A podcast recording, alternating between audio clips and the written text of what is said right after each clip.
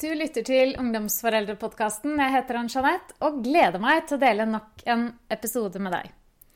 Gjest er Jeanette Flagstad. Hun er storesøster til Øyvind, som er rusmisbruker. Sammen har de skrevet boken 'En glad gutt og søstera til dophue'.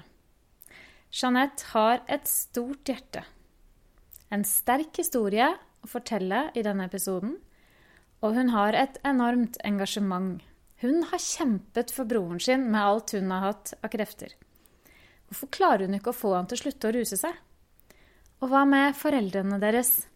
Du får mange svar i denne episoden. Og sammen så tror jeg vi blir litt klokere gjennom å lytte til Jeanette sin historie. Jeanette har også bred erfaring gjennom lederroller i arbeidslivet, og hun har startet opp Usynlige tigre, som er et uformelt nettverk som jobber for å synliggjøre pårørende til rusavhengiges situasjon. Og hun står også bak podkasten Usynlige tigre. Den anbefaler jeg deg på det varmeste å sjekke ut. Der får du veldig mye nyttig og viktig kunnskap som vi alle trenger om nettopp rusmisbruk. Så det er altså temaet for denne episoden her.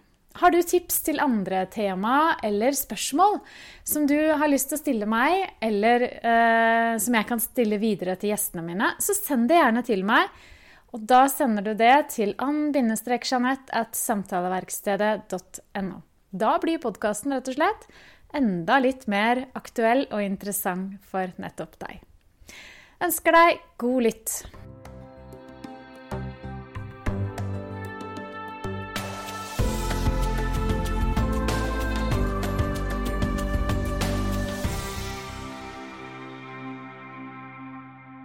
Jeanette Flagstad, velkommen til Ungdomsforeldrepodkasten. Tusen takk. Du, jeg så deg på Petter Uteliggers livesending i går, jeg, faktisk. Ja. Ja, Du var der og snakket om uh, usynlige tigre. Mm, og engasjementet ditt i forhold til det med å være pårørende Ja. for en som er uh, rusmisbruker. Mm. Mm.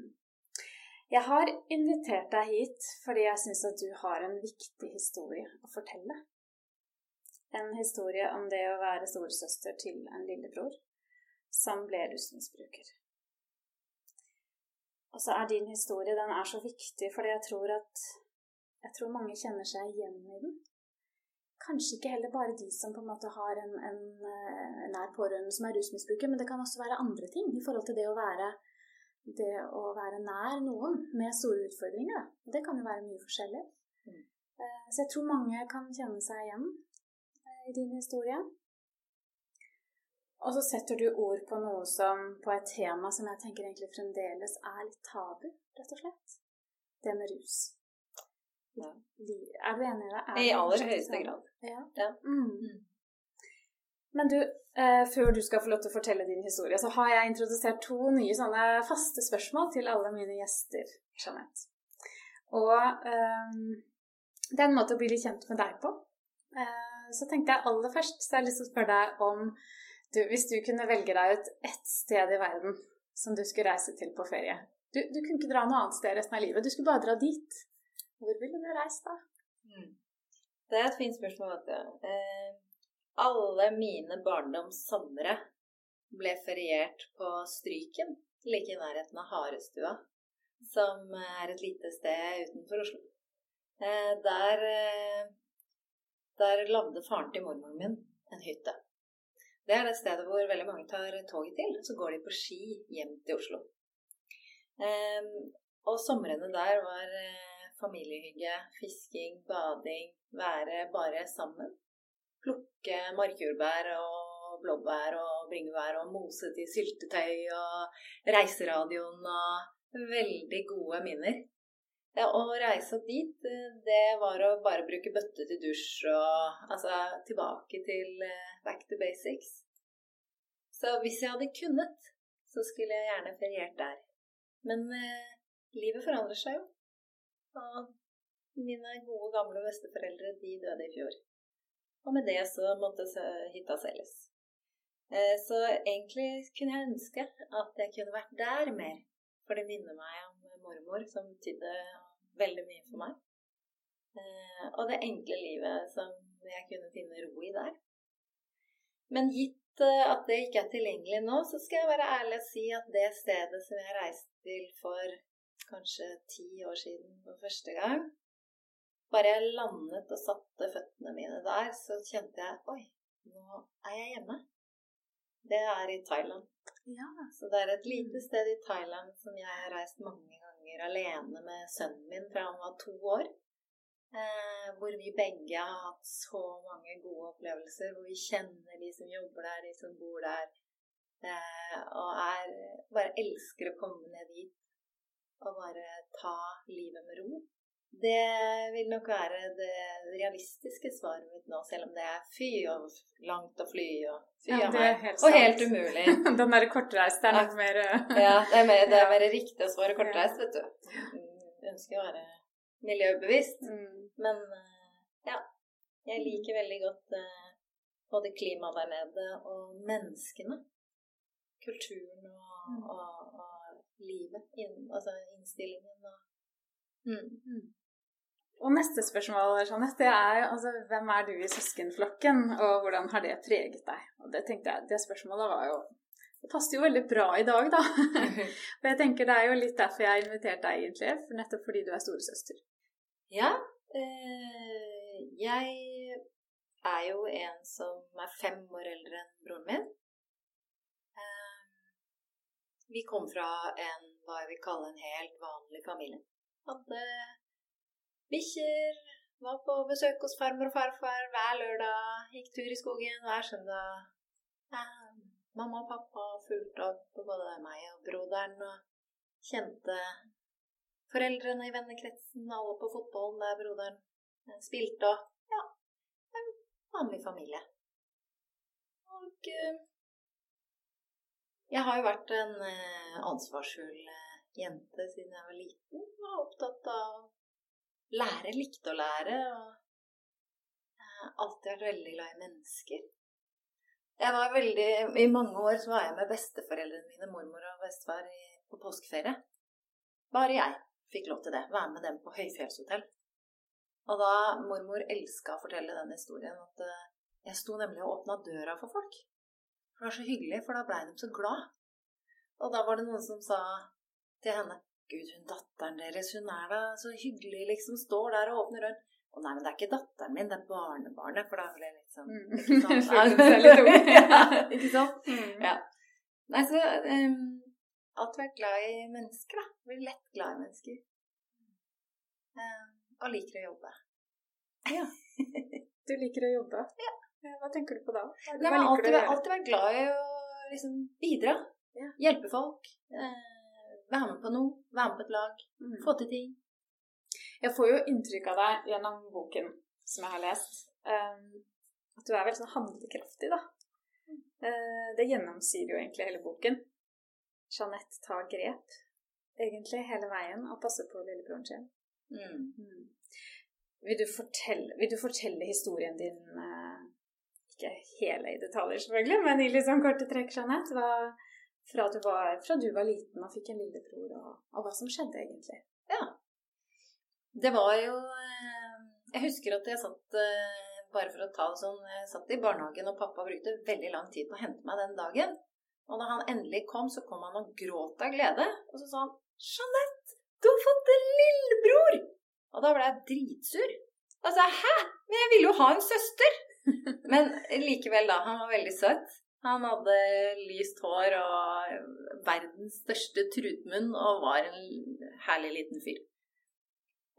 Så eh, ja, vi flytta fra Hovseter til eh, Kolbotn da jeg var elleve. Og eh, ja, jeg, jeg likte å trene og likte skolen. Likte å jobbe på skolen og sånn. Broren min han strevde kanskje litt eh, med motivasjon på skolen. Eh, og i boka så, kan, så er det noen som har spurt du, han broren din hadde ikke ADHD, da? For det kan kanskje virke sånn, men han hadde ikke det. Eh, han kunne sitte rolig og leke med ting og pusle med ting, eh, han også. Eh, men underveis der så merker jeg jo at eh, broren min han har jo en litt annen tilnærming. Han er, av, han er ikke så opptatt av grenser. Vi hadde alltid innetider, og det var middag til fast tid, og det var eh, Vi hadde ganske sånne ordentlige regler hjemme og ble fulgt opp med alt mulig rart. Men det som jeg husker når jeg ser tilbake, er at eh, jeg Jeg blei litt skremt av hva broren min var liksom opptatt av. Eh, at han valgte litt ting som jeg syntes var litt sånn skummelt. Ja, hvor tidlig begynte det, da? Hvor gammel Ja. var du når du liksom begynte å legge merke til det? Eller hvor gammel var han? Ja, nei, da var han sånn 13. Ja. 12-13. Og det er jo da han begynte å oppsøke rus og, og, og ruse seg på ulike ting, da. Fordi, eh, som jeg var inne på, liksom, dette med tabu For du, du sier jo selv også vi var en helt vanlig familie. Mm. Og bak på boka di så står det også liksom det er en helt vanlig familie, men så skjer det vi alle frykter. At liksom i en tomannsbolig utenfor Oslo bor mor og far og storesøster og lillebror, men familieidyllen blir snart Eller eh, blir snart revet opp idet lillebror begynner med rusmidler. Og så tenker jeg at noe av grunnen til at det er liksom tabu, er nok fordi, fordi mange tror at "Nei, men det kan jo ikke ha vært det kan jo ikke ha vært helt vanlig. Det må jo ha vært noe. Mm. Har, du, har du blitt møtt med den? Ja, ja. Ja. I prosjektet som jeg kjørte med broren min da, da vi først begynte å skrive bok, da, og jeg l- satte i gang det prosjektet for å prøve Da hadde han holdt på i 23 år. Eh, og han har, aldri holdt, han har aldri vært på plata. Aldri vært på gata. Aldri brukt heroin.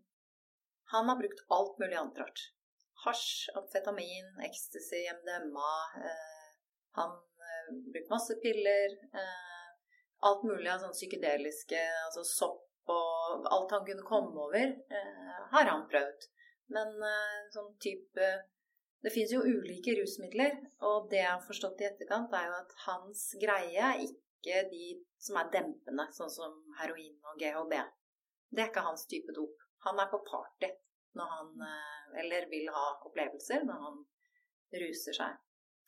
Um, og det som eh,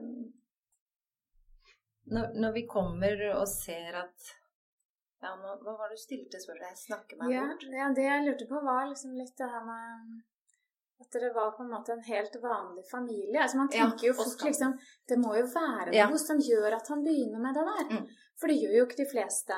Mm. Liksom, hvor, hvorfor tror du broren din begynte med rus? Han var bare, han var bare utforskende. Han ville gjøre det som ikke var lov. Det har han sagt. Han har aldri likt autoriteter, og han eh, har likt å utforske og være Han var nysgjerrig. Og så når du Nå kan jeg stå og si Nå vet jeg mye mer, for jeg har gjort dette prosjektet med broren min. Eh, så vet jeg det at eh, av, av Det er jo et visst antall av de som prøver, som får problemer. Si én av ti, da, ifølge eh, WHO. Så, så la, ja, la oss si det, da. Det er én av, ti på problemet. Um, så hans eh, At han eh, Han er en av de som kan du si kanskje var predisponert, da. For det henger jo sammen med arv og miljø. Altså Noen kan ha det i slekta. Som man kan se det i ledd. At flere ledd etter hverandre det er Der er det noe. Der er det en liksom. sårbarhet. Mm. Så har det også noe å se med Ja. hvem du møter. Um, og nå husker jeg hvorfor jeg begynte å snakke om det med boka og, og det. Fordi i det prosjektet så ble vi jo intervjua. Jeg var jo på TV mange ganger og har vært på forsiden av Aftenposten i påskeaften. Og altså, det ble jo et veldig stort prosjekt. Og akkurat den greia med at broren min ikke var en av de som Petter Uteligger har fremstilt så godt, da. Eh, og det er jo en veldig god jobb Petter Nyquist har gjort med å synliggjøre at de som strever voldsomt, er på plata, er på gata, er mennesker som skal ses og sånn, eh, er en viktig jobb han har gjort. Men det er kanskje bare en liten del av alle de som er eh, rusavhengige. Fordi det fins jo Jørgen Bramnes, han er eh, rusforsker på Folkehelseinstituttet, og i februar i år så presenterte han sine anslagsvise tall på hvor mange avhengige vi har i Norge. Og vi har mellom to- 200 000 til 300 000 som er avhengig av alkohol. Og så har vi kanskje mellom 20 til 30 000 som er avhengig av vanedannende legemidler. Og så har vi mellom Jeg har det i hånda her, vet du. Jeg fordi, ser at jeg var, fordi at jeg var på Ja, et utlendingers livestream i går, og det er viktig Ja, å ta den riktig. Eh, og så har vi kanskje mellom 15 til 30 000 som er avhengig av illegale rusmidler. Det er mange mennesker. Men de aller fleste er avhengig av alkohol. Mm. Og så er det utrolig mange som er avhengig av piller. altså. Vanedannende legemidler er jo piller du får kjøpt på apoteket. Eh, så de illegale rusmidlene altså Det at, eh, at vi er så mange, og at ikke alle er på plata, men det fins jo så mange rundt i hele Norge som har noen i familien eller i nær omkrets som strever med rus. Og det, så kan du si streve med rus. Det kan godt være at den personen selv ikke opplever det som noe strev i det hele tatt. Det er livsmestring for dem. Også for familien så er dette Så preger jo det hele familien. Eh, på veldig mange måter. Og jeg tenker at den, eh, det engasjementet som fulgte dette prosjektet vårt, fordi underveis der så Det som gjorde at jeg, jeg har jobba med lederutvikling. Eh, og ledelse og endringer og utvikling av mennesker og organisasjon i mange år. Og annet gjort lederkurs. Og det som er fascinerende, er når du setter ledere til å gjøre ulike ting i en sånn setting hvor de skal spille en rolle eller gjøre et rollespill, og så tar man det opp på film, og så viser du dem etterpå. Så kan de få en sånn aha-opplevelse bare 'Å nei, gjorde jeg det?' 'Å, er det sånn det henger sammen?' Så kan de gjøre noe med sin egen atferd. Så i det prosjektet, når jeg Jeg visste jo det, eller egentlig tenkte jeg vel aller først at det prosjektet her er jo ferdig om 14 dager. Det var på julaften han sa, 2015. Altså skrive bok? Ja, fordi eh, det var det, eh, Jeg har jo hørt dette. Sikkert eh, ja, 50 ganger før, at nå vil han ha et nyktert liv. Ja. Fordi i ganske mange år var det bare på julaften vi møttes. Jeg hater jo jul. Altså, jeg, Jo nærmere jul vi kommer, jo verre blir det. Så jeg kjemper en kamp nå for å bli glad i jul. For at jeg må bli ferdig med alle de der forferdelige hatopplevelsene rundt julaften hvor mamma griner og mormor griner og alle griner fordi at vi hører på at broren min sier at nå skal jeg, nå skal jeg ta meg sammen. Nå skal jeg leve et vanlig liv. Og dagen etter så er han borte igjen. Eh, Men den julaften 2015 så sa han 'jeg vil ha et nytt liv, og jeg mener det'. Og så tenkte jeg ok, jeg har egentlig gitt deg opp, men nå kan jeg gi deg muligheten til at vi gjør det prosjektet, men du må ville det sjøl, og du må bidra sjøl. Og så tenkte jeg inni meg dette prosjektet er ferdig om 14 dager, for jeg vet jo at han ryker på igjen. Oh ja, sånn sett. Ja. Ja. Mm. Men så gjorde han ikke det. Nei. Men han gjorde det jo litt etter hvert. Da var han borte i ti dager, hvor han bruker masse amfetamin og masse er på party. Da Da går det døgnet rundt, hvor han er eh, på fest eh, og durer på. Og så røyka han seg ned på hasj og tok piller og sånn eh, etterpå for å sove ut. Eh, men når jeg kom tilbake igjen, fordi at jeg aldri Jeg selv, altså mamma er jo livredd. Mamma sitter i alarmberedskap, eh, og det har hun gjort nå i ja, hva blir det, 27 år. Fordi man er jo redd for at barnet ditt skal dø. Eh, mens jeg har prata så mye med broderen at jeg vet hvor habil bruker han er. Han har holdt på med dette i, fem, ja, i 27 år, da. Så han vet, jeg er 100 sikker på at han er, han er helt trygg på hvor mye han kan ta. Og sånn, for han har kjørt på helt ekstremt, og det skriver Det er jo hans og min historie parallell i denne boka, hvor jeg er den superstreite, og han er den som bare kjører på med alt så hardt det går. Ikke sant? Eh, Så jeg er ikke noe redd for at han skulle dø. Jeg bare visste at jeg måtte vente på han til han gadd å ta telefonen igjen. For det er sånn man merker at de er utpå. Svarer ikke på telefonen, svarer ikke på meldinger. Eh, blir bare borte, da. Det er ulike grunner til det. Men når han først kom tilbake, så litt på refleks, så tenkte jeg Men broderen, kan jeg filme at jeg stiller deg et spørsmål? Og så dro jeg på iPhonen, og så filma jeg når jeg spurte Hva skjer oppi huet ditt når du velger å trekke pepper opp i nesa igjen? Og pepper er amfetamin. Ja, ok. Og da ble han litt rar. Nei, jeg veit ikke. Og så snakka han litt rundt det. Men jeg kunne se Jeg visste hvorfor han gjorde det. Det dreide seg om en følelse han fikk. For han ble skuffa over noe han hadde jobba for over lengre tid. Et forsikringsoppgjør fordi noen hadde hatt innbrudd hos han og skada han og stjålet ting. Og det forsikringsoppgjøret hadde han jobba mye med det forsikringsselskapet for å få penger tilbake for de tapte eiendelene. Så fikk han ingenting. Eh, og den skuffelsen, da ble han så dritforbanna og oppgitt og alt. Så det som skjer da, er at han velger rus. Ja, fordi det er jo noe man fort Altså, man gjør Altså, jeg skal snakke for meg selv. Jeg tenker jo fort at rus er noe man bruker for å døyve noe. Eh, smerte, vonde følelser, sant? Mm. Um, men var, var, det det som var inngangen hans? Jeg, tenker, du, jeg får jo inntrykk av at han begynte veldig tidlig med rus. Hva, hva, var årsaken til at det var det bare denne nysgjerrigheten, denne uroen, eller sånn som han hadde i seg? Nei, han var nysgjerrig, ja. Jeg skal ærlig innrømme at jeg selv også drakk alkohol og var på fester eh, mm. fra jeg var 15-16. Han starta nok litt tidligere, 14 eller noe sånt. Ja. Men, eh, men han, da han fikk, var på en fest og hadde drukket, eh, og fikk tilbud om å prøve hasj, da Ja, det ville han.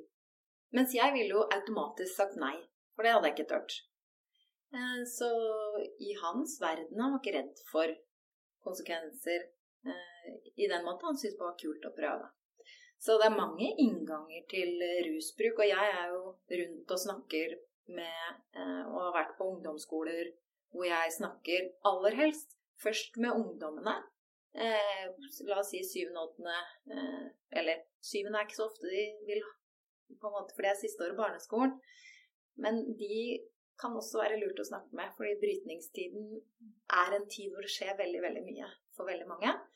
Men som oftest har jeg da åttende, niende og tiende eh, i trinn, og så har vi foreldrene på kvelden. For det er så utrolig viktig at de får informasjon om rus og rusmidler og konsekvenser sammen. Eh, og, og, den utforskingen som skjer, og, og, der spør jeg også ungdommene hva, For det er viktig for meg å involvere dem. Og da kan jeg spørre hva er grunnen til at folk ruser seg? Og svarene jeg får fra ungdommer, både i Bergen eller uh, om det er i Vestby eller hvor det er, det er jo f.eks. at andre gjør det, eller at uh, du ikke turte å si nei første gangen. Eller at du er deprimert. Eller at du kjeder deg. Eller at du nettopp eh, bare vil rømme fra en stressa hverdag. Eh, fordi det er utrolig viktig å vite at rusbruk og rusproblemer det kan skje i absolutt alle familier, og blant absolutt all ungdom nå. Det er jo veldig vanlig. Og det er jo også veldig vanlig at man fremhever hvor ufarlig f.eks. cannabis er, fremfor alkohol. Um, derfor også har jeg jo lagd denne podkasten, Usynlige tigre-podden, uh, hvor jeg bringer inn fagfolk. Vi bringer inn rusforskere, vi bringer inn rusbehandlere som har jobba med dette i 50 år til sammen, for å få fakta på bordet. Hvordan er dette her egentlig? Hva, hva er fakta? Er, eh, hvordan påvirker eventuelt cannabisbruk ungdom? Hvordan påvirker alkohol? Altså, jeg, jeg ønsker å få fakta på bordet, da. Ja, og det trenger vi i denne hva skal jeg si, litt sånn legaliseringsdebatten, som egentlig er ganske sånn oppe nå. Mm. Eh, for det er flere og flere land som legaliserer, og det gir jo veldig tydelige signaler til ungdommene. Ja, og mm. filmer og kultur og eh, Det er veldig mye som og det, det, er jo veldig Det er derfor jeg Det er ikke min stemme når, som skal komme og fortelle folk hva som er riktig og galt. Jeg tenker at det jeg ønsker å bringe, og Usynlige tigre ønsker å bringe, det er fakta fra fagfolk du kan stole på. Så derfor, i den podkasten, spesielt f.eks. den om cannabis, da, når jeg er ute da og snakker med ungdommene først og foreldrene etterpå, så er litt av det de jobber med i forkant, er å snakke litt om hva gjør meg glad? Hva gjør jeg når jeg har det kjipt? Hvem har jeg å kontakte hvis jeg, hvis jeg virkelig over tid har det kjipt? Eh, og så hører de på podkasten om cannabis. Og så har jeg også lagd en episode, det var helt fantastisk, men Trond-Viggo Torgersen var et av målene å få med inn i podkast. Han er en meget travel mann. Mm. Han er, av, han er Norges mest eh, foretrukne foredragsholder. Og mest populær av alle. Så jeg brukte et år på å klare å se at nå er han i Oslo, han er der på den konferansen, og bare manageren hans og bare Trond-Viggo, Tror du han kan komme da? Kan du komme da? Sånn sånn. Så får vi til det med at eh, en klasse på Kjelsås skole også brukte sin Timen livet til å undre seg om rus og rusproblemer og rusmisbruk. Eh, så de spørsmålene den klassen kom frem til, tok da Marius, som han heter, med inn i denne podkasten med Trond-Viggo. Og Trond-Viggo er jo en mester i å svare på hvorfor det. Det er jo hans greie. Så alle de spørsmålene de barna hadde, svarer da Trond-Viggo på i podkasten om rus og rusproblemer. Og da får du hans Han er jo lege, og han har også jobba eh, med rusavhengige. Så da får du liksom en sånn podkast hvor, hvor, alle de enkle spørsmålene om rus dukker opp. Mm. Og hvor, hvor en person som bare klarer å formidle vanskelig informasjon på en enkel måte, har snakka om det. Ja, og det tenker jeg er viktig, for vi trenger, vi trenger kunnskap. Og det trenger jo virkelig vi foreldre også, tenker jeg hvis vi skal møte ungdommene våre på, på de spørsmålene de har, og, og også eh, kunne snakke med dem. Og jeg ser i hvert fall på mine egne barn at de er i mye større grad enn jeg var. Altså, de krever at jeg gir dem litt gjennomtenkte svar. Mm. det er noe vi har snakket mye om. fordi jeg liksom Du må gjerne si noe, men jeg hører ikke på deg hvis ikke du har gode argumenter, sier han eh, sønnen min som nå blir 18. Altså, jeg må liksom Jeg må levere litt, da. Jeg må, jeg må ha litt Jeg må begrunne det. Ja. Ikke sant? Fordi jeg, det er jo skolen de går på nå, rett og slett. Eh, ikke sant? Lære seg å være litt ja. kritisk tenkende. Og, ja. ja, ikke sant. Mm. Så jeg tenker jo at hvis vi skal møte ungdommene våre, så trenger vi kunnskapen som foreldre da får, annet gjennom foredragene dine. Jeanette. Mm. Men jeg har lyst til å liksom, ta deg litt eh, tilbake ja. til historien din. Mm. Og, og, du som storesøster, da. Mm. Um, hvor tidlig ble du bekymra for broren din? Uh, jeg hadde en vond klump i magen rundt hans uh, Jeg visste ikke hva det var, men jeg hadde en uro rundt uh, han. Og da jeg var kanskje Skal vi se Da var han, gikk han i første klasse på videregående. Betyr at jeg var 21.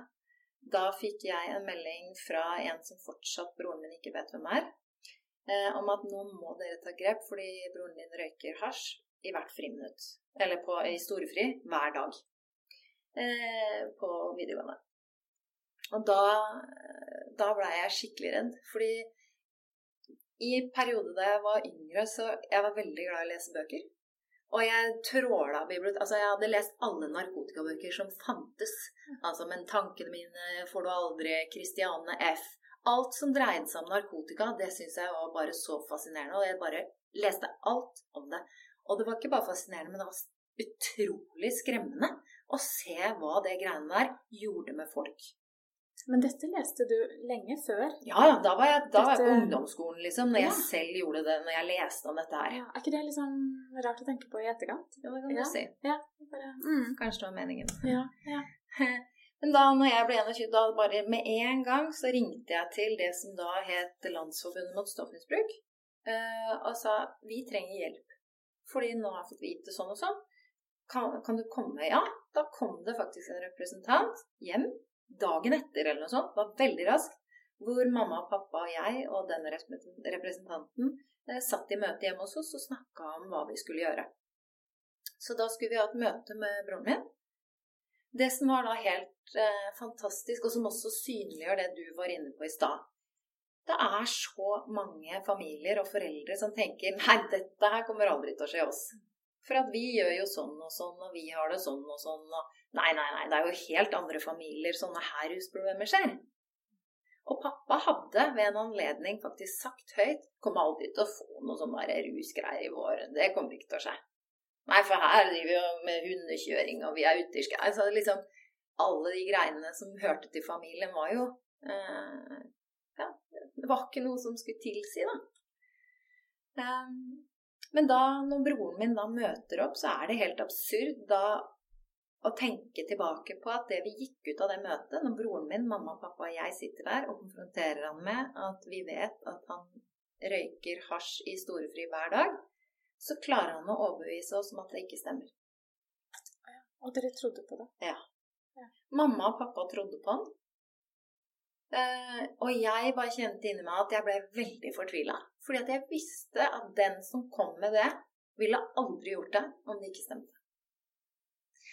Og når jeg snakker med mamma om dette i etterkant nå, så sier hun jo det at ja, dessverre trodde vi ikke på det. Og han fikk da to år eller noe sånt mer på å også begynne med amfetamin og snorte det uh, før vi endelig Eller ikke endelig, men må plutselig oppdaga en kapsel da, med noe pulver eh, som vi i hui og hast fikk eh, undersøkt hva Så han klarte altså å holde det skjult? Ja, han skriver ganske i boka om hvordan han For han var ikke så mye hjemme. Og mind you, altså det, det er ganske mange ungdommer som ruser seg. Så i, la, la oss si du røyker cannabis, da. Så hvis du tar deg en på morgenen, så La oss si det varer ca. fire timer, da. Så kan du røyke en i storefri. Men så er du da Da er du jo, er du jo helt der sjøl igjen til middag. Da kommer du hjem til middag, så kan du røyke igjen på kvelden. Så du kan helt fint holde et misbruk skjult kjempelenge. Og broren min hadde jo sine strategier.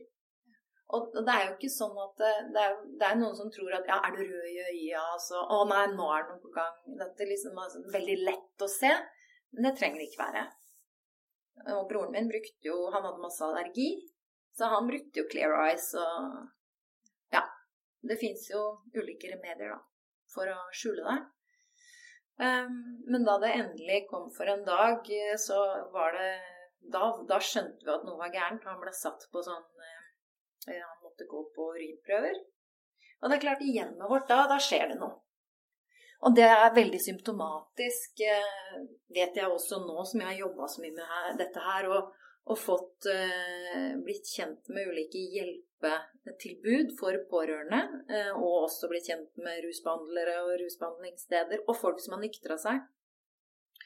Men det, det, som, det er veldig ofte vanlig at når noe sånt dukker opp i en familie, så kan mor og far ha helt ulik tilnærming. Hvordan er det hos dere? Nei, mamma ville stille krav. Eh, og pappa ville vel egentlig det, han òg. Men det ender jo med at eh, mamma har sagt til broderen så mange ganger at du får ikke være rusen. du må slutte rusegreiene dine. Ellers så får du ikke bo hjemme. Så når pappa er på forretningsreise eh, og er vekk, da kommer han helt spinnvill hjem, full av speed. Eh, og mamma bare møter han i døra. Og da renner det over for mamma, og så sier hun 'nå er det slutt'. Nå er det ut. Og da får jo han litt sjokk, for han er jo vant til å ha dem rundt lillefingeren. Så, men da må broren min pent eh, ta med seg tinga sine, og da må han vandre ut. Og da for å være jævlig mot mamma og pappa, da, så Han hadde kompiser og sånn, så han fant seg se- sted å bo, men vi visste ikke hvor han var i to måneder. Og pappa sov ikke på de to månedene. Han var ute og kjørte og lette etter. Eh, og da midt oppi det, så er det klart, der skjer det noe med mamma og pappa. Eh, og det er veldig vondt å se på hvordan mamma og pappa i alle disse årene har stått i den alarmberedskapen, fortvilelsen, hvor du ønsker så For det første så prøver du jo med sånn Du kan prøve med urinprøver, da. Du, det er ulike ting. Du kan true, du kan belønne, du kan liksom friste, du kan si Du kan, kan gjøre hva som helst. Men sånn som med broren min, så var han bare veldig tydelig på at 'jeg vil ruse meg'. Du kan bare drite i dette greiene. Først så prøvde han jo å lure oss. Men akkurat den der prosessen når han da ble borte i to måneder, det gjorde altså så vondt for mamma og pappa. Det var ikke noe lett for mamma å kaste den ut. Du kaster ikke ut ungen din med lett hjerte. Det gjør så vondt, det. Og når de to da sto og ikke visste hvor han var i to måneder, da har ikke verken mamma eller pappa med noe godt. Så når han kom tilbake igjen, så kom han syklende dinglende med seks cannabisplanter som han pælma nedi skauen et sted og fikk planta der. Så fikk han lov til å flytte hjem igjen. Og mamma ga seg jo ikke med det. Hun ville liksom 'Kom igjen, søk deg jobb. Her, ringa rundt Aftenposten. Denne jobben kan du få.' Pappa ordna jobb for han. Kjørte han dit. Og visste ikke at idet han kjørte derfra, så gikk han bare ut av døra igjen og dro hjem. Ehm, så de prøvde å hjelpe til, ordne, fikse jobb, skoler, bytte skoler. eh. Ja. Militæret, kan det hjelpe? Og de visste jo ikke at han klarte jo fint å ruse seg der oppe òg. Men håpa at liksom det skulle Kan vi få til noe endring her som kan gjøre at han eh, slutter å ruse seg?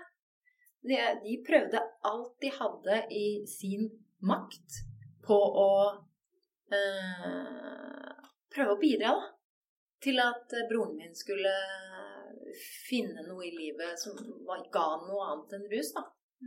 Som at han skulle liksom få seg et annet liv. Så pappa gikk fra å være en fantastisk fyr, en leder i IBM, eh, president av Norges hundekjørerforbund.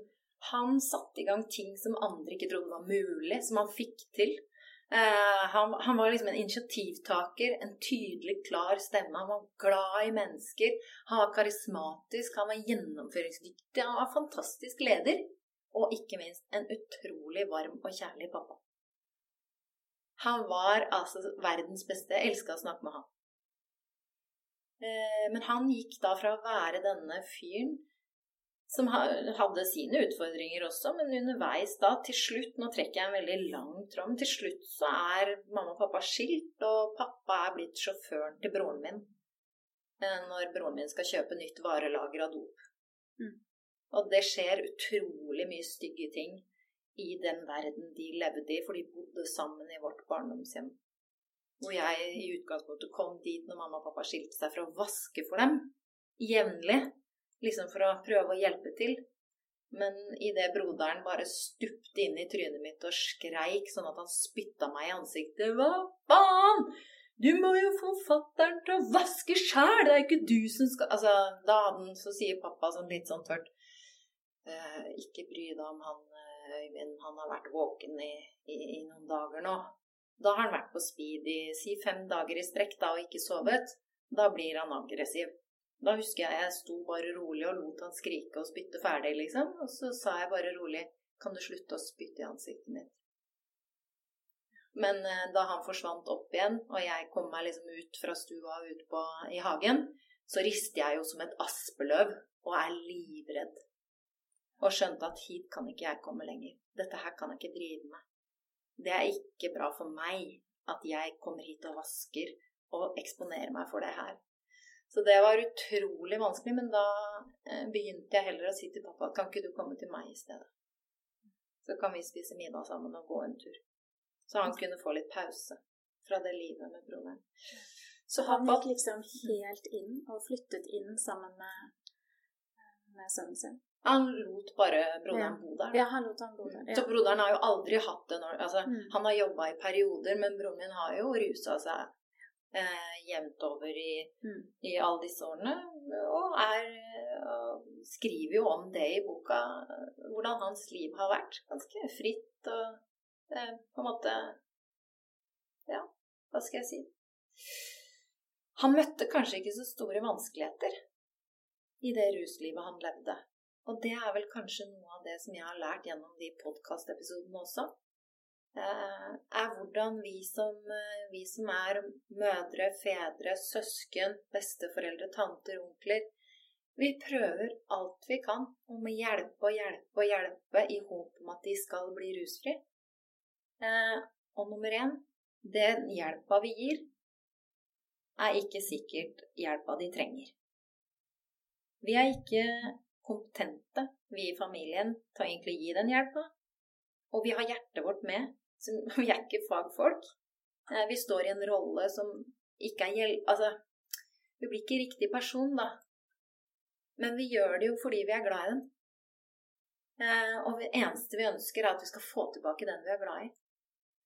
Fordi det som skjer underveis i et sånt rusmisbruk, da, det er at en person forandrer seg kan forandre seg veldig mye. Skal ikke skjære alle over en kam, men man kan forandre seg veldig mye. Og det er klart det blir et voldsomt strev og en følelsesmessig berg-og-dal-bane med masse frykt, sorg. Man er livredd, eh, man kjemper, eh, man eh, står på, sliter seg ut. Man henter, kjører, handler mat, ordner legetimer, fikser, Får ikke sove om natta hvis, altså hvis uh, den som ruser seg, er ute. Ligger med telefonen på nattbordet, klarer ikke å sove. Og så begynner det å balle på seg. Du får fysiske og psykiske problemer av det. Og sånn som jeg eh, ser jo det at pappa han ba jo aldri om hjelp på egne vegne. Han sto jo bare i den der utrolig strevsomme alarmberedskapen som var helt utmattende, og som aldri tok slutt. Eh, mamma eh, flytta jo. Hun ba jo broderen på middag 128 ganger hvor han skulle komme, men du vet, rett før så dukker han ikke opp. Altså, det, det er mer vanlig eh, at man ikke dukker opp, enn at man dukker opp. Så for henne så har det jo vært også en like stor berg-og-dal-bane, fordi at uh, ungen din uh, Du kan ikke stole på han, ikke sant? Du kan ikke Det, det er sånn litt sånn uh, Det absurde som skjer i en familie når en blir rusavhengig, det er at plutselig Jeg husker jeg selv lurte Hadde ikke jeg 200 kroner i den lommeboka da? Oh, ja. Ja, Fordi plutselig er penger borte, vet du. Ja. Eh, så noen eh, smarte foreldre som får rusavhengige barn, bl.a. en av podkastene, episode nummer to, eh, med Oda som da rusa, som begynte å ruse seg da hun var 13, og Vigdis mora. Vigdis forteller det at det tok ikke så lang tid før de kjøpte safe så er de safe hjemme. Alle verdisaker inn i safen. Sånn var så det. familien begynner å tilpasse seg og, og gjøre disse mm. små tingene mm. for i en sånn Og så tenker jeg jo, jeg ser det for meg også, hvordan man er i en sånn konstant alarmberedskap. Mm. Jeg får jo så inntrykk av at altså, gjennom boken din at, at, faren din også får rusproblemer etter hvert. Mm. Rett og slett for å, for å, døyve den smerten, eller den, det, det vanskelige livet han står i. Ja, det er sånn som man eh, Det er sånn som journalister ofte kan spørre om. Ja, men drakk de mye hjemme hos dere? Var det mye rus? Det er et vanlig spørsmål. Eh, nei, mine foreldre rusa seg på ingen måte noe mer enn noen andre. Ja, de kunne drikke drink på lørdagen. Eller drikke øl. Eller sånn på fredagen og lørdagen. Var aldri noe mer enn det. Helt vanlig. Eh, så det, det, som skjedde, som jeg husker pappa fortalte, var at eh, han begynte å drikke litt på kvelden for å få sove. Og det var jo fordi at broderen hadde vært borte i to måneder. Og han fikk jo ikke sove. Så derfor så var det det det begynte med, og så tok det helt over. Mm. Så ja, pappa hadde sine problemer eh, også. Eh, kan du si både litt sånn underveis, men, men det er klart Et liv med en som er rusavhengig på den måten min bror var, da. Med det salg og kjøp og politirazzia. De kommer stormende inn med politi og hunder og Så kunne jo pappa si det at uh, dere får ikke lov til å ransake her nede i første. fordi det som, det, slutt, det som pappa bestemte seg for, var at han begynte å bo i stua. Så han sov bare på sofaen. Det var senga hans. Og broren min hadde annetasjen, og når de skulle ha razzia, så måtte politiet gå opp i annen etasje. For det var broderens eh, territorium. Det er klart hva det gjør med deg når naboer og alt Det står politi utafor døra, banker på. Ehm, det er klart Han fikk jo sosial angst og ble inneslutta fra en som var så glad i folk. Så til slutt så satt han nesten bare inne. Og sterkt prega av eh, voldsepisoder som han var med på. Gærninger som knuste vinduet i bilen og klaska øks inn i nakkeputa og ja. For jeg tenker jo at som forelder så, så føler man jo fort på skyld. Mm. Og, og, begynner å tenke 'hva er det jeg har gjort galt'? Mm. Det er jo naturlig. Veldig Hvis man har barn som strever på en eller annen måte, så tenker vi foreldre det. Mm. Nå kunne jeg gjort annerledes, eller hva det jeg har gjort galt som gjør at mitt barn og det, i det ligger det ganske mye skam. Mm. Mm. Og det snakker vi også om spesielt i en av disse episodene i podkasten hvor uh, han som Jeg tror han har jobba med rusbehandling i Norge lengst av alle. 38 år. Han driver eh, Phoenix Haga, et rusbehandlingssted. Um, og det er akkurat det at Det er også sånn som flere har nevnt underveis. Det fins ingen som ikke gjør noe dumt som forelder du sier noe gærent, eller noe blir feil, eller sånn. Og så kan du jo sitte der og skylde og klandre deg sjøl og sånn. Men det er jo ikke dermed sagt at du har vært en dårlig forelder, selv har man gjort en feil ting her eller der, eller gjort eller sagt noe dumt. Um, det er en kjensgjerning at det er mange som går inn i rusbruk og rusproblemer, som har hatt opplevd vold, overgrep, uh, omsorgssvikt og rus hjemme. Det er veldig trist. Men det er også veldig, veldig mange som ikke har opplevd det, som også utvikler rusproblemer. Ja, og det er det jeg tenker er så viktig med din historie. At det kommer fram. Ja, det var det jeg tror også som gjorde at dette Vi fikk jo over 6000 følgere på Facebook. Og det var av folk som bare Jeg tror de kjente seg igjen. Og jeg tror det er derfor, gjennom det prosjektet som ble så offentlig, hvor vi viste både hans vei til et nyktert liv, men også min opplevelse av det, det var noe nytt. At jeg viste hvordan det var å stå ved siden av. Så jeg har stått og hylt og skriket og grinet og alt mulig rart på video.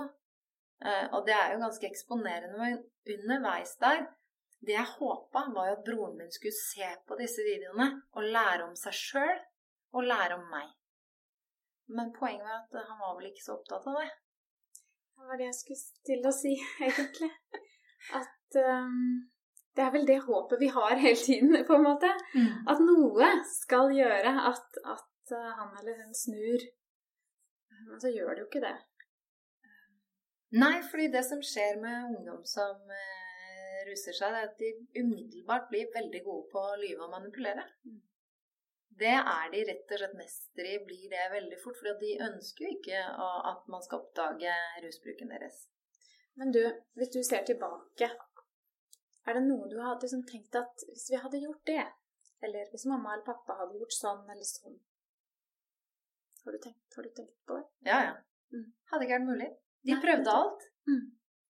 De prøvde absolutt alt. Og jo mer jeg snakker med folk som er pårørende i dag, og folk, de som, ungdommer som er i behandling. Jeg kjenner jo en del av dem òg. Og pårørende i pårørendearbeid. Så er det én ting som er veldig, veldig sikkert.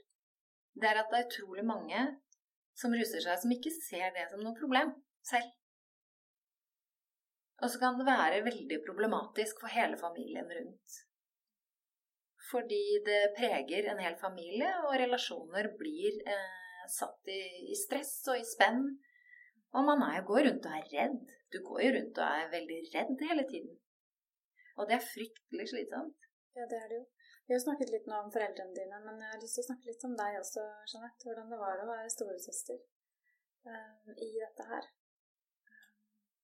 Du skriver jo uh, Eller skriver i boken at jeg får liksom inntrykk av at Øyvind får, altså broren din får veldig mye oppmerksomhet, ikke sant?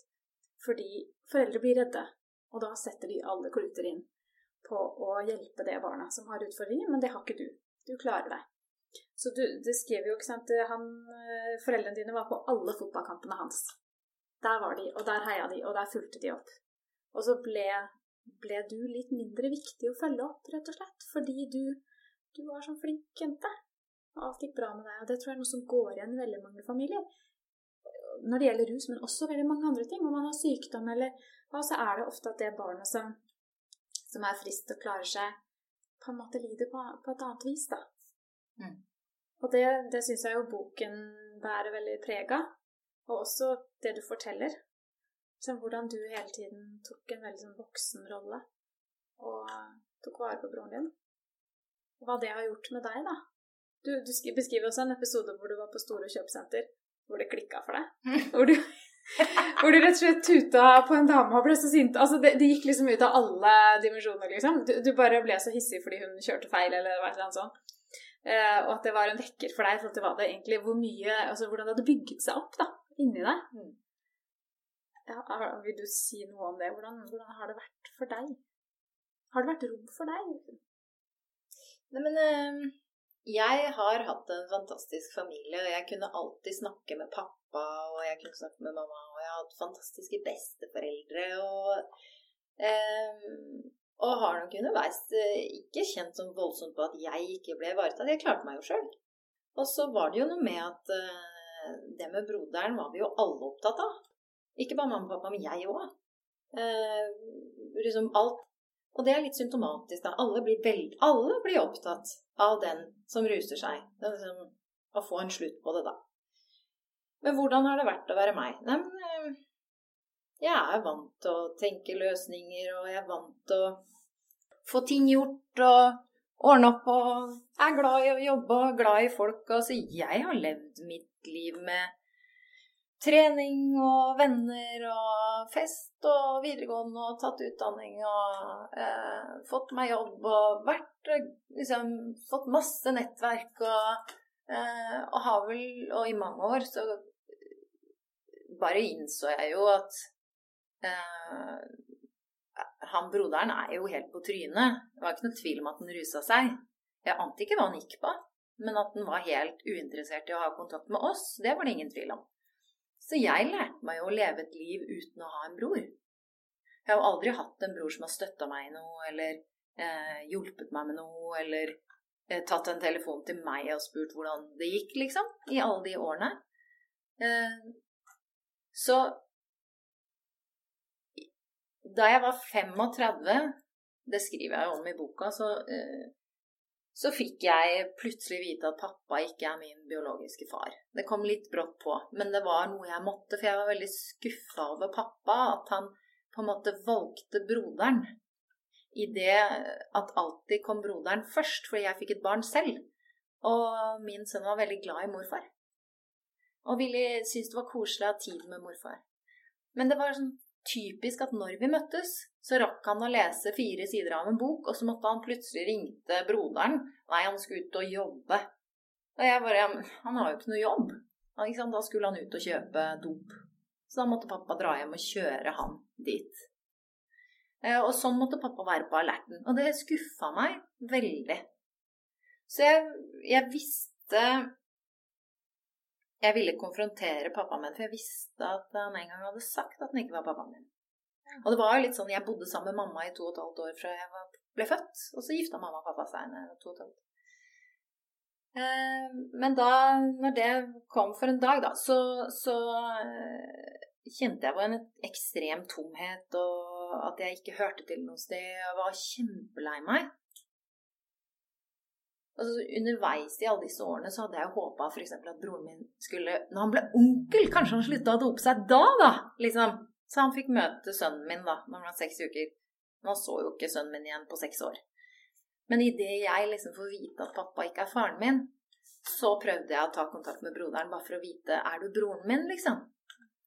Få høre at du sier ja, men Jeanette, du er jo familien, du er jo søstera Jeg trengte å høre det, da. Så jeg sendte av gårde meldinger, og som vanlig tok jo aldri han Han verken tok telefonen eller Men da, da, da skrev jeg for første gang 'Din jævla rusmisbruker'. Stiller aldri opp. Er aldri noe for meg. Eh, og nå har jeg fått vite at pappa ikke er faren min, og heller ikke da. Og da svarte han med en gang. Og det gjorde han aldri. Og det han svarte, var din jævla lausunge. Alltid så jævlig prektig og ordentlig. Og det var da jeg skjønte at uh, dette gjør dop med en person. Her er det null forståelse eller empati eller Jeg bare skjønte han der er ingenting for meg. Så da ble det jo rett og slett å lære seg å skjønne at han der eh, må jeg bare ta avstand fra. For dette er bare for vondt. Så Men allikevel så åpner hjertet seg, da, for de er jo gode til å prate. Broren min er verdens mest sjarmerende fyr. Alle som snakker med han, blir glad i han og tror på han. At han mener at han ønsker et nyktert liv. Også nå. Man kan følge han på Facebook, liksom. Og folk heier på han fortsatt. Litt i mindre skala nå, for det er jo ganske mange ganger han har sagt noe at han Og så, ja. Men i hvert fall, han, det er jo ikke sikkert at min bror ønsker seg et rusfritt liv. Det er en viktig lærdom. Selv om han sier det høyt, så er ikke han den eneste heller som sier at 'jeg ønsker meg et rusfritt liv', men så gjør de egentlig ikke det. Fordi de klarer helt fint eh, å leve et liv hvor de ruser seg nå og da, og det er noe de er avhengig av, som de kanskje ikke klarer å gjøre noe med sjøl. Det trenger profesjonell behandling, og de må ønske det sjøl. De må ville det sjøl og ønske det sjøl. Så det det det har gjort med meg, det du spurte om, det, det, har gjort at jeg er jo, jeg er jo en eh, Jeg er veldig glad i vennene mine. Venner er familie. Eh, jeg er vant til å ikke ha en bror. Blodet er ikke tjukkere enn vann. eh, i den sammenheng. Jeg har valgt å få ett barn. Og det var fantastisk. Jeg har fått verdens beste lille fyr for meg. Og så glad for at jeg fikk akkurat han. Eh, og så kan folk si ja, men det var dårlig gjort at han ikke får søsken. Nei, men vet du hva? Det er ikke alle søsken som er bestevenner, ass. Det er ikke alle søsken som uh, syns det er toppen av lykke å være på ferie sammen. Det er ikke alle søsken som går så bra sammen. Og får du en rusavhengig bror eller søster, så er livet ditt et helvete. Hele familien går i tusen knas. Eh, og det er sorg, sorg, sorg hvor enn du snur deg når det dreier seg om den som er rusavhengig. Sorg, håp, glede, litt åpne hjerte, bli skuffa igjen. Uh, alarmberedskap. Mm. Så så er jeg jo blitt uh, ja, veldig opptatt av For det som skjedde også underveis i det prosjektet, var at det var så innmari mange pårørende som tok kontakt med meg og oss, og takka for at vi delte også hvordan det var med pårørende. Hun takka for at vi var ærlige, og sa hvordan det var, fordi folk følte seg helt aleine. Det var som en skrev 'Tusen takk for at du har sagt at du ønska broren din død'. Jeg trodde jeg var den eneste i verden som tenkte sånn om min bror. Takk for at du har vist meg at jeg ikke er gal. Så det sitter jo folk rundt omkring i hele Norge, men det er ikke lov til å si sånn. Altså det, det blir, jeg kjenner en til som sier sånn høyt Hun ønska broren sin død. Det er jo det VG slår opp som en, som en overskrift på artikkelen. Fordi at det er drøyt. Det er jo ikke lov å si sånn. Familie foran alt. Men det som er faren, det er jo at eh, pårørende sliter seg helt ut for å hjelpe. De sliter seg ut, og sliter du deg helt ut, så har du ikke krefter for å være der for dem. Hvis de sjøl en dag finner ut at de ønsker å bli nyktre. Og de som jobber med rusbehandling, det er gjennomgående i de podkastene som vi har tatt opp. Det de jobber kanskje aller mest med, det er å få de pårørende til å rett og slett begynne å se på seg selv. Hva gjør du? Gjør du noen ting noen gang for at du selv skal få litt glede? Eller er livet ditt bare bekymring, uro og tilrettelegging, handling av mat, ringe legetimer, passe på, ordne, fikse, styre, styre og stelle for den som er rusavhengig? Får den rusavhengige lov til å ta ansvar for eget liv? Lar du den rusavhengige få lov til det? Nei, for det er så mange som med hjertet holder på med dette her fordi du er jo så redd for at den skal dø, ikke sant? Og tenker at jeg har jo ikke noe valg. Men kanskje noe av det de jobber mest med, er å rett og slett la den rusavhengige ta ansvar for eget liv, og at den pårørende også må tenke på seg selv. Og seg og sin livskvalitet. Og be om hjelp, ikke minst. For det fins jo hjelpetilbud. Ja, jeg tenker, og det er så viktig den jobben du gjør, Jeanette. Det er så viktig at du setter ord på det. Eh, for du vet hvordan det føles på kroppen. Og det, det trengs. Det trengs kunnskap om det. Takk for at du har delt din historie. Takk for at du har laget usynlige tigre. og for podkasten din. Jeg tenker Hvis det er noen som hører på nå, som trenger hjelp, som tenker at nå står jeg akkurat oppi dette her, hvor skal jeg henvende meg da? Det fins jo informasjon, men det er bare så vanskelig å finne. Ja, nettopp det. Det er det som er så veldig kjipt. Du vet kanskje? Eh, det man alltid kan gjøre, eh, det er jo Altså, jeg kan si sånn. Ok. Eh, forebyggende enhet hos politiet finnes, skal finnes i hver kommune. Det finnes I kommunen som finnes ruskonsulenter. Det finnes utkontakt i mange kommuner, sånn og sånn. Men vi har flere som kontakter oss i Usynlige tigre. vi har jo både en nettside hvor det finnes listet opp hjelpetilbud og hvor podkasten også ligger. Men vi, i den gruppa vår, offentlige Facebook-gruppa, så er det ikke lenge siden vi nettopp postet en eh, anonym post. Da sender et foreldrepar en tekst til meg eller en av de andre i admin uh, som de spør om vi kan legge ut anonymt. Og da, De står i alarmberedskap. Hun har funnet uh, helt klare ting som indikerer at no noe stemmer ikke her. Hva skal vi gjøre? Det som skjer da, er at det raser inn med råd og svar og erfaring fra de over 700 som eh, er medlemmer på siden vår. Det er ikke alle som ser posten, men du vil se at her Tigerne er en familie. Eh, og vi som er eh, offentlig synlige, vi ønsker også å være til hjelp for de som er helt usynlige, for det er dem det er flest av. Så man kan bli medlem med den gruppen, eller man kan rett og slett sende en melding til, til gruppen og så få hjelp uh, ja, mm. på den måten. Ja, for på Facebook er det to ting. Det er en gruppe for oss som tør å være offentlig synlige, og så er det en egen side for podkasten. Der kan du sende melding. Nettopp. Mm. Tusen takk, Jeanette. Takk selv. Kjenne det på kroppen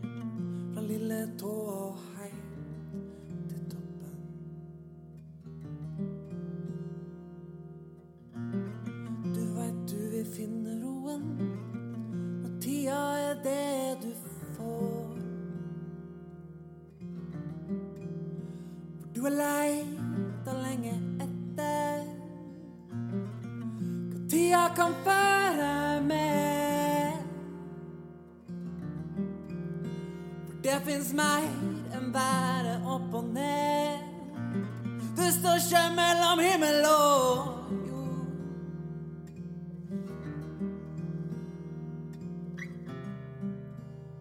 For det er tida som bærer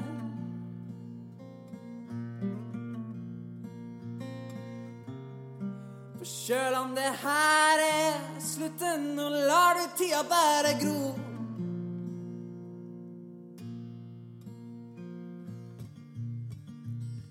Klokka tikker langsomt og treigere enn før.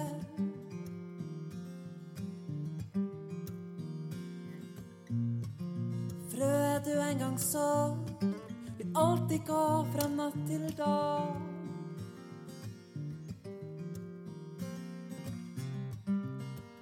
For Det er tida som bærer.